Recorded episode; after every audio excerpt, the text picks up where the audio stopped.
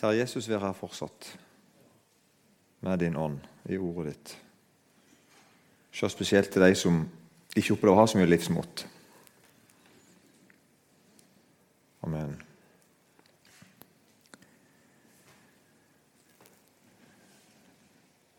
Livsmot, ifølge Norske Akademis ordbok, så betyr det mot på livet, eller livslyst. Livslyst. Vi slutta forrige time med å si Da sa jeg 'effata'. Og Det er et ord som Jesus sa. Han møtte en gang en mann som var døv og som hadde vanskelig for å snakke.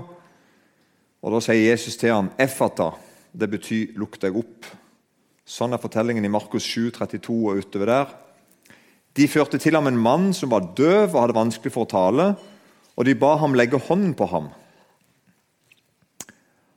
Han tok ham da med seg avsides, bort fra folket. Han stakk fingrene i ørene hans, spytta og rørte ved tungen hans. Han så opp mot himmelen, sukka og sa til mannen, 'Effata'. Det betyr 'lukk deg opp'. Straks ble ørene hans åpnet, og tungens bånd ble løst, slik at han talte rent. Så enkelt gjør Jesus det, liksom. Så annerledes. Og her er poenget mitt nå i dag å si at det er ikke overfladisk. Det er ikke teknisk. Og det er en liten parentes. Eh, som du ikke sikkert har merket i teksten, så, så, sa folket de ba, han, de ba, han, om å legge hendene på ham. De nesten instruerte Jesus. Gå og så legg hendene på ham. Så akkurat som Jesus. Nei, jeg gjør, jeg gjør, det jeg vil. Og denne mannen her tok han med seg vekk fra folket. Han var alene med han. Um, og Det er ikke noe sånn overfladisk og teknisk med Jesus. Jeg las i avisen Dagen, faktisk i dag eller i går, da var det en, en, en, kjent, um, en kjent kristenleder i Norge som snakket litt om ting som gikk litt gale på 80-tallet. Det ble veldig fokus på helbredelse og tro på helbredelse. Hvis ikke du blir helbreda, så er du tro for lite. og sånn. Og han, han, han, brukte de ordene der og sa at det ble sånn at vi nesten ikke møtte den syke lenger.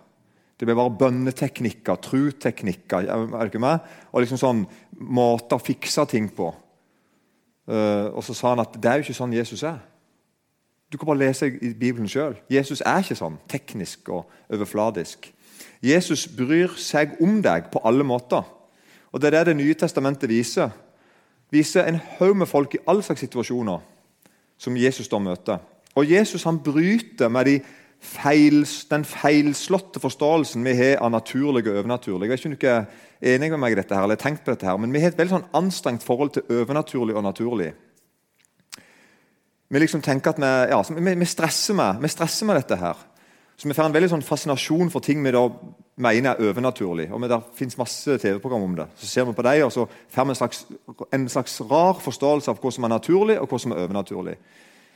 Og Jeg tenkte for noen år siden at det som kommer til å skje nå, når folk er så åpne for det overnaturlige og unaturlige, så kommer sikkert det til å bli bra for kristen forkynnelse, tenkte jeg. Jeg tenkte det ikke så veldig lenge, for det, det, det var ikke sånn. Det at, det at, folk i Norge er veldig åpne for overnaturlige eller unaturlige eller hva du vil, ting, det fører ikke til en åpenhet til Gud. Vi får egentlig bare et anstrengt forhold til det med Gud. Og det er faktisk sånn at jeg skriver at Mange liker å tenke at det der med Jesus går ikke opp. Det er liksom, det er liksom så overnaturlig, sier noen. Mens andre sier motsatt. Det er liksom alt med Jesus er overnaturlig, og de digger det. Er du med? Men saken er den at Jesus lar seg ikke fange i noe av det. Det er poenget, tror jeg. altså. Det er derfor jo at det, det, folk som er opptatt av det overnaturlige og sånn, i møte med Gud så syns de han er for lite overnaturlig. Det er ikke spennende nok. Det er ikke, det, skjønner ikke, det er liksom ikke sprøtt nok eller ikke sånn sært nok. eller noe sånt. Jesus er menneskesønnen. Altså, Jesus er gudmenneske. Han er sann Gud og sant menneske. Og Det er alltid hvor fristende å tenke at nei, han er nok egentlig Gud som bare kledde seg ut som et menneske. Så egentlig er det Gud, han bare ser ut som et menneske. Andre tenkte at nei, nei, nei, det er et menneske, men han oppfører seg litt sånn som Gud. Det er veldig vanskelig for å forholde dere til at nei, han er begge deler. Han er sant menneske og sann Gud. 100% pluss 100% Som er da Ja, men det går jo ikke an. Nettopp. Sånn er altså Gud. En annen sånn fortelling der vi ser litt av dette her Det, det, det er den mest triste fortellingen jeg vet om omtrent i Bibelen. i Nyttestamentet. Ved saueporten i Jerusalem er det en dam som på hebraisk heter Betesta. Det betyr barmhjertighetens hus. Den har fem søyleganger. I disse lå det en mengde syke, blinde, lamme vannføre som venta på at vannet skulle bli satt i bevegelse. For en engel steg fra tid til annen ned i dammen og rørte opp vannet. Den som da først steg ned etter at vannet var blitt opprørt, ble frisk, uansett hvor sykdom han leier. Det var en mann der som hadde vært syk i 38 år. Jesus så ham ligge der og visste at han hadde vært syk i lang tid. Han sa da til ham, 'Vil du bli frisk?' Den syke svarte ham, 'Herre, jeg har ingen til å kaste meg ut i dammen når vannet blir opprørt.' 'Og i det samme jeg kommer, stiger en annen ned før meg.' Da sier Jesus til ham, 'Stå opp, ta båren din og gå.' Og straks ble mannen frisk, og han tok båren sin og gikk. Men det var sabbat den dagen, lørdag. Jødene sa da til ham som var blitt helbredet, 'Det er sabbat. Du har ikke lov til å bære båren.' Men han svarte, til, han svarte dem, 'Han som gjorde meg frisk, sa til meg, ta båren din og gå.' De spurte ham, 'Hvem er den mannen som sa til deg, ta den og gå?' Men han som var blitt helbredet, visste ikke hvem det var, for Jesus hadde trukket seg tilbake da det var mye folk til stede. Senere fant Jesus mannen i tempelet og sa til ham, 'Se, du er blitt frisk.' Synd ikke mer, for at ikke noe verre skal hende. Mannen gikk bort og han fortalte til jødene at det var Jesus som hadde gjort ham frisk. Og Derfor forfulgte jødene Jesus, fordi han gjorde dette på en sabbat. Men Jesus sa til dem, 'Min far arbeider inntil nå, også jeg arbeider.' Derfor sto da jødene ham etter, mer etter livet, fordi han ikke bare brøt sabbaten, men også kalte Gud sin far og gjorde seg selv lik Gud. Og Her er det to-tre ting vi må kommentere. For det første, Betesta, som blir kalt for Barmhjertighetens hus. Det er mulig at jeg nå hiver ut en brannfakkel eh, som jeg ikke har teologisk oversikt over. Men for meg høres ikke veldig barmhjertig ut. for å si Det rett ut. Det er altså en fyr leie i 38 år og venter på at en engel som en og annen gang kom en engel. Det var ikke engang system på det, men som ikke på torsdag eller en gang i måneden. eller bare En og annen gang så kom det en engel og rørte vannet, og førstemann ute ble frisk. Så, hva, med, hva med den dammen er barmhjertig, nesten? Det er klart I forhold til ingenting så er det jo kjempebra at hver gang en engel rørte med vannet, ble én frisk. Sant? Halleluja, bra, takk for det. Men allikevel høres veldig sånn og, og dessuten, Hvorfor ingen hjulpet han? Litt sånn køren kunne ha vært. Nå vet jeg ikke om Han hadde ligget der i 30 år, 38 år. Han hadde vært syk i 38 år, men antageligvis har han vært der i årevis. Og prøvd og venta på kanskje det snart er min tur. Og Når Jesus da kommer og spør om han skal hjelpe ham, så, så, sier ikke mannen ja, hjelp meg. Han tenker fortsatt på at jeg må opp i dammen. Så Han, han egentlig forsto Jesus et spørsmål som at ja, du kan være her og vente til neste gang engelen rører vannet. Så kan du kanskje få meg oppi først. ikke sant? Han var fortsatt på den løsningen han hadde. Så jeg kommer fram noen kontraster her. Og Her tenker jeg litt på det, det med sånn, troen på det overnaturlige. eller sånn, noe annerledes. Jesus bryter liksom med det. Jesus ser, Jesus ser den ene. Jesus så ham ligge der og visste at han hadde vært syk i lang tid. Tenk det visste Jesus. Og han sa til ham, 'Vil du bli frisk?' Så Jeg, jeg synes at Når Jesus kommer på Betesta, som, som betyr barmhjertighetens hus og jeg, Det skal de ha. Det er bedre enn Lygnevannet, der jeg kommer fra, for der blir ingen friske om de hiver seg uti. Så, så, ok, det sant, det er bedre, men allikevel, det, det, er ikke mye bedre. liksom. Og Når Jesus kommer, så er det akkurat som at han viser Nå skal jeg vise dere hva skikkelig barmhjertighet er. Nå skal jeg vise dere hva en Gud er. Er, er dere med? Og så er han annerledes. Og for tredje, Den tredje kontrasten jeg ser, er de religiøse elsker ikke sin neste.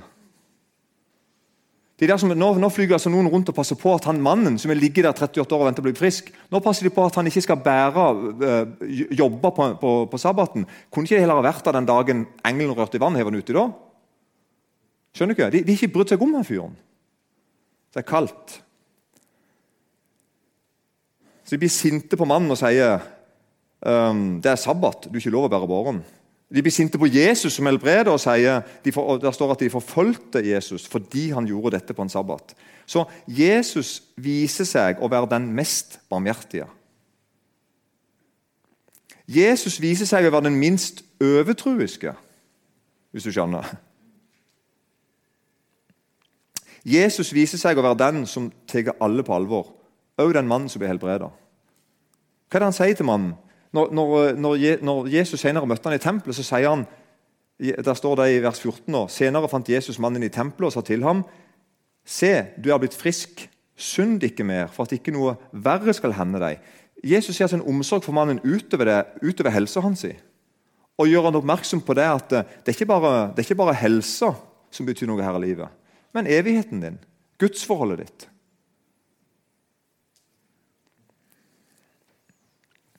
Jesus viser seg å være den som, som forstår deg best. Det er min påstand, og jeg mener det er akkurat det jeg sier nå. Av alle jeg har møtt, så er det ingen som forstår meg så godt som Jesus. Av alle jeg har møtt, så er det ingen som tar så godt vare på meg som Jesus. For han ser på en måte hele meg. Og Det er noen sånne små setninger her, som, som jeg har lest en av de allerede, som, som jeg satt eh, Det er ikke lenge siden og tenkte på hvorfor står de setningene i Bibelen? Ta, bor, ta båra di og gå, eller gå bort og synd ikke mer. Det fascinerer meg. jeg vet ikke om det gjør det med deg, det fascinerer meg at det, Husker du ikke han mannen som, de har fire vennene som bare den lamme mannen, og så firte han ned, De tok hull i taket og så firte han ned i taket der, rett foran Jesus. Når Jesus helbreder han mannen, så sier han Stå opp, ta båren din og gå hjem til ditt hus. Og så har jeg tenkt på, Hvorfor sa Jesus det? Er, er, er det ikke med? Hvorfor sa han det? Hvorfor står det at han sa det? Ta båra di og gå. Ta senga di og gå. Hvorfor, hvorfor, sa han det? Hvorfor sa han ikke bare 'gå'? Eller hvorfor sa han, hvorfor sa han noe i det hele tatt? på en måte? Hvorfor kunne ikke båra bare ligge igjen der? Er du ikke med? Det fascinerer meg faktisk. Det står jo sånn da i vers 12 og han sto opp, tok straks båren, gikk ut for øynene på dem alle, så alle ble ute av seg selv av undring. Og de priste Gud og sa, 'Slikt har vi aldri sett'. Og Det er vel kanskje noe av poenget. da. Jesus, Jesus holder mannen ansvarlig, og Jesus lar han gjøre noe som andre reagerer negativt på. Det er jo en demonstrasjon det mannen gjør. Der går han som er lam, med senga si like godt. Så det mannen gjør, jeg skriver her, at mannen bar med seg fortida si, historien sin, ut av døra foran alle. Det, det, det, er, jo, det er jo en demonstrasjon av den verden. Han gjorde det i Jesu navn. Og da kommer jeg til deg da. Kanskje du må bære fortida di med deg. Er det ikke mer? Kanskje du må bære fortida di med deg, men nå helt uten skam. Jeg vil si I Jesu navn gjør det. Du er kanskje en historie om hvem du er. Han lamme mannen, hun blinde dama. ikke sant, sånn. Vi har sånne ting vi sier for. Kanskje du òg har sånne ting du tenker om deg. Du er han der eller hun der. Kanskje du må lære at skammen ligger på Jesus. Det var han de starta å forfølge når han helbreda han mannen med Betesta. Det var egentlig ikke han, han, han, som ble frisk. Han fikk litt tyn et par dager, sikkert. Men etterpå det så var det Jesus de starta å forfølge. Det, var, det, er han som på en måte stiller opp for oss. skulle jeg si. Det er han som tar skammen og den ordentlige bøygen. Kanskje vi må lære at frimodigheten vår ligger ikke i vår fortid. Det er ikke sånn at hvis bare jeg hadde hatt en bra å, hadde jeg bare vært som hun, hadde jeg bare vært som han. ikke sant? Så jeg, jeg hadde sluppet. Nei, nei, det er ikke sånn. Din frimodighet ligger ikke i fortida, enten du har god eller dårlig fortid. Og Sånn er det òg med skammen. Det er, det er, nettopp når den lamme mannen bærer sin egen båre hjem midt foran folkemengden, at det blir stort. Jeg, ikke jeg, jeg kan være snakke for sånn metaforisk nå, gjør det? Er du ikke med på hva jeg mener? Bra. To av meg, helt sikkert. Tre. Ja. Men det er noe sånn majestetisk over dette her. En annen gang. Jesus har akkurat avverga en steining. Han står her nå og snakker med damer rett etterpå. Bare de to. Jesus og dama. Det står i Johannes 8, vers 9 utover. Jesus ble alene tilbake med kvinnen som sto der. Da retta Jesus seg opp og sa til henne, 'Kvinne, hvor er de?' 'Har ingen fordømt deg?' De hadde jo reist. Hun sa, 'Ingen, Herre.' Jesus sa, 'Heller ikke jeg fordømmer deg. Gå bort, synd ikke mer.' Og her igjen, Jesus sier ikke 'jeg heier på deg, lev som du vil'. Jesus sier heller ikke 'ikke for noen idioter som var her i stad'. Jesus snakker ikke sånn. Jesus kan reise deg opp uten å bryte noen andre ned.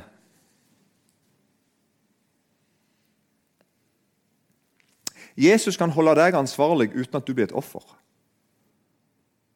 Jeg tror nesten det er bare Jesus som får det til sånn helt. Han kan se altså ei dame inn i øynene som har levd et forferdelig dårlig liv, og si 'Det skal ikke du gjøre mer.' Men jeg fordømmer deg ikke.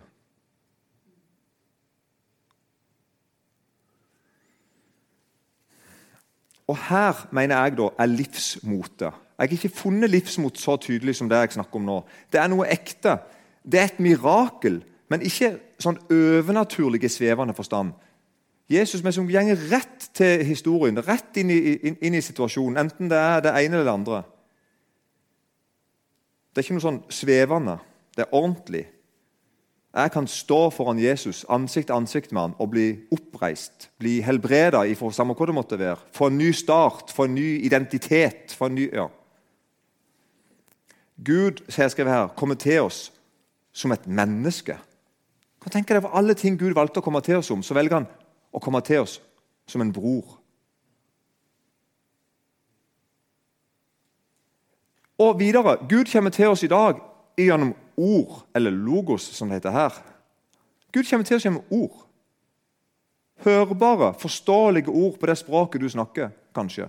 Kanskje ikke. Gud kommer til oss i vann og i brød og vin. Gud kommer til oss gjennom menigheten, gjennom de kristne på jord. Så mirakuløst naturlig. Det er så naturlig at vi reagerer på det. Men samtidig er det der miraklet ligger. Det går an å møte Gud. Det går an å kjenne Gud. Men det kommer av og til til oss på litt mindre naturlige måter. Og her For ikke mange dager siden satt jeg og hadde ja, trøbbel. Og Så fikk jeg en melding av en søster i Herren. Ei som jeg har møtt et par ganger i mitt liv. That's it. Ei som egentlig ikke kjenner meg noe særlig. Og Hun skriver til meg på meldingen Be for deg. Sender deg dette som du må lese til du forstår. Og Det er det beste helsen jeg har fått på lenge. Og saken den at Hva mener du med det? Lese til du forstår? Skal jeg, skal jeg lese det mer én gang? Jeg, laste, jeg tror jeg leste 50 ganger. Og så gikk det opp for meg. Det er nettopp det Jeg må, jeg må lese det til jeg forstår det. Sånn så meldinga ut. Jeremia 17,7. Velsigna er den mann som stoler på Herren og lar Herren være sin tillit. Han skal bli lik et tre som er planta ved vann. Ligner veldig på Salme 1, forresten. Uh, han skal være lik et tre som er planta ved vann, og skyte røttene ut ved en bekk. Det frykter ikke når heten kommer. Alltid har det grønne blad. Det sørger ikke i tørre år og holder ikke opp med bare frukt.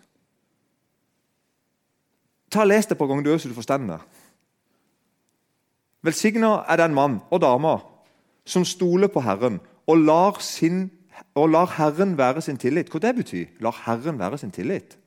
Er det forskjell på å stole på Herren og la Herren være sin tillit? Han skal bli et tre som planter ved vann og skyter røttene ut ved en bekk.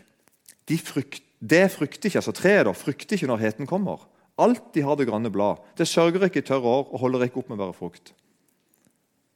Så Jeg har bare skrevet noe sånn bitte grann her.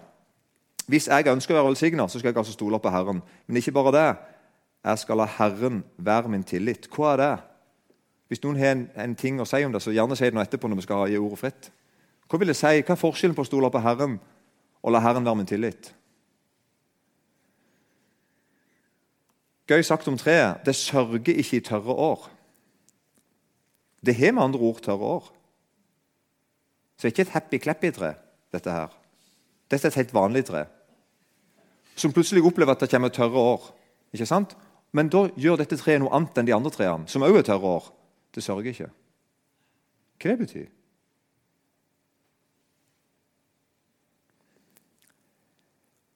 Og det frykter ikke for heten.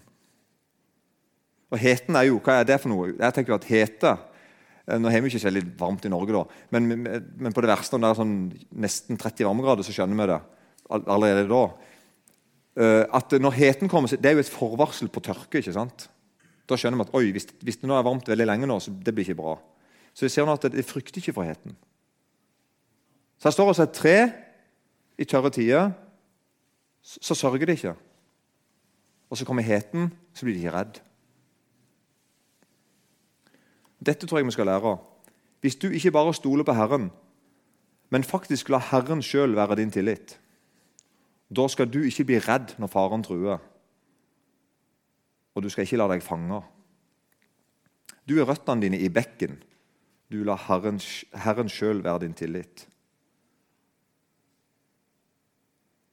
Det verset kommer jeg til å lese veldig mye framover. Og be til Gud om at du må vise meg hva det er. For jeg, Nå tror jeg vi er inne på sånn livsmot. Helt sånn nede i mollet, hvis du skjønner. Nede i bokstavelig talt et tre som liksom eller, Jeg vil, jeg vil la røttene mine gå ut til bekken. Der det er fukt og der er næring. Og Her vil jeg stå, her skal jeg klore meg fast. Holde fast. Og så her kan jeg bare ta en fire-fem bibelvers til slutt. Er det greit? Eh, jeg satt og forberedte meg, så tenkte jeg um, det, står, det, står, det, står, en plass i Bibelen tenkte jeg, at det 'hold meg i live etter ditt ord'. Tenkte jeg, jeg tror det er Salme 119. tenkte jeg. Så søkte jeg bare på YouVersion, og så kom det opp Det står en haug med ganger i Salme 119. Um, på litt forskjellig måte. Se her, hvordan, se her hvordan salmisten ber. Han ber sånn La din miskunnhet komme til meg for at jeg kan leve. Kjære Jesus, kom til meg med din miskunnhet, med din nåde. Kom til meg, du, sånn at jeg kan leve. For din lov er min lyst. Eller, Det var i, det var i Salme 119, vers 77. I vers 107.: Jeg er dypt nedbøyd, Herre. Hold meg i live etter ditt ord. En rar bønn. Hold meg i live etter ditt ord. Nesten så du minner Gud på ordene hans, sine, løftene hans. sine, og, og Nesten sånn som det der røttene som gjenger mot bekken. Eller vers 154.: Før min sak og forløs meg, hold meg i live etter ditt ord. Eller i vers 37.: Vend mine øyne bort fra å se etter tomhet. Hold meg i live på din vei. Eller i vers 156.: Stor er din miskunnhet, Herre. Hold meg i live etter dine dommer. Eller i vers 50, Salme 119, 50, det er min trøst i min elendighet at ditt ord har holdt meg i live.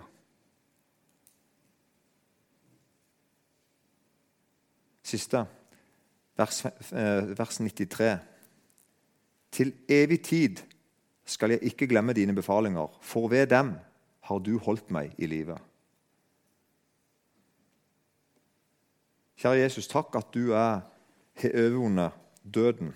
Takk at du som er livet. Takk at du kan gi oss livsmot og oppstandelseskraft helt ned i hverdagen. Takk at du ønsker at vi skal stole på deg og sette vår lit til deg. Og takk at du vil være vår tillit. Amen.